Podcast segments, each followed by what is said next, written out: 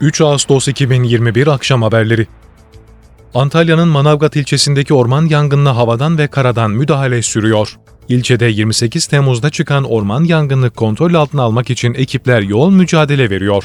Orman yangınını Beydiğin, Çardak mahalleleriyle Kızıldağ çevresinde etkili oluyor. Ekipler gece boyunca arasöz ve itfaiye araçlarıyla söndürme çalışmalarını sürdürdü, havadan müdahale devam ediyor. Antalya'daki orman yangınlarına etkin mücadele için Ukrayna'nın iki uçağı da destek veriyor.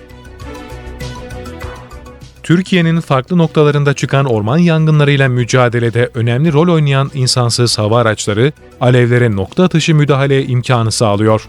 İHA'larla geniş gözetlemeler yapılarak hem yangının boyutu daha hızlı tespit ediliyor, hem de söndürme esnasında bu araçlardan elde edilen bilgilerle nokta atışı müdahale yapılabiliyor.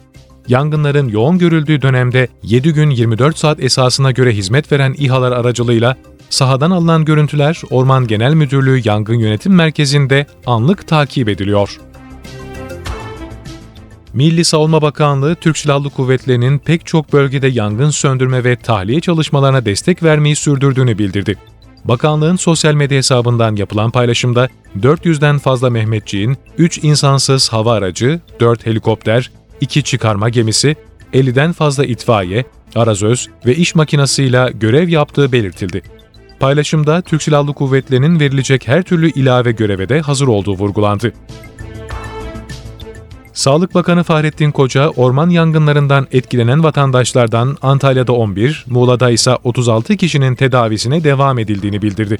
Bakan Koca, Twitter hesabından yaptığı paylaşımda, yangınlardan etkilenen vatandaşların sağlık durumuyla bölgedeki personel sayısına ilişkin bilgileri paylaştı.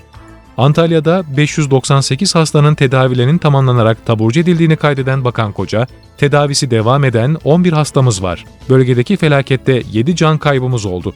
34 ambulans, 17 UMKE ekibi, bir mobil komuta aracı, toplam 191 sağlık personeliyle sahadayız ifadelerini kullandı. Bakan Koca, Muğla'da ise 271 kişinin taburcu olduğunu, 36 kişinin tedavisine devam edildiğini bildirdi. Enflasyon Temmuz'da %1.8 artarken yıllık bazda %18.95 oldu. Türkiye İstatistik Kurumu verilerine göre Temmuz ayı itibariyle 12 aylık ortalamalar dikkate alındığında tüketici fiyatları %15.15, yurt içi üretici fiyatları %28.47 arttı. Aylık bazda tüketici fiyatları %1.8, yurt içi üretici fiyatları %2.46 artış kaydetti. TÜFE, Temmuz'da geçen yılın Aralık ayına göre %10.41, geçen yılın aynı ayına göre ise %18.95 yükseldi. Cumhurbaşkanı Recep Tayyip Erdoğan başkanlığındaki Yüksek Askeri Şura yarın Cumhurbaşkanlığı Külliyesi'nde toplanacak. Toplantıda albayların terfileri, görev sürelerinin uzatılması veya emekliye ayrılma işlemlerinin yanı sıra generallerin terfi ve atama dosyaları da ele alınacak.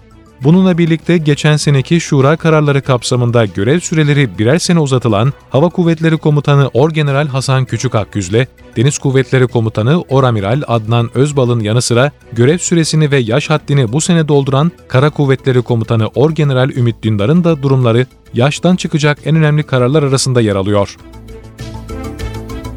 FETÖ'nün Kara Kuvvetleri Komutanlığı ile Jandarma Genel Komutanlığındaki mahrem hizmetler yapılanmasına yönelik soruşturmada 40 şüpheli hakkında gözaltı kararı verildi.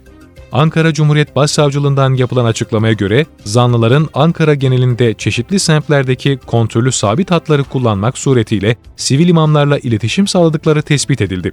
Polis ekiplerince Ankara merkezli 13 ilde düzenlenen eş zamanlı operasyonda 40 şüpheliden 26'sı yakalandı diğer zanların yakalanmasına yönelik çalışmalar sürüyor. Terör örgütü PKK'dan kaçan iki örgüt mensubu daha güvenlik güçlerine teslim oldu.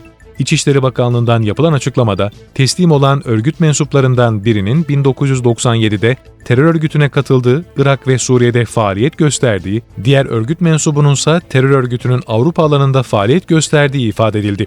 Açıklamada 2021'de ikna yoluyla teslim olan örgüt mensupları sayısının 120'ye yükseldiği kaydedildi.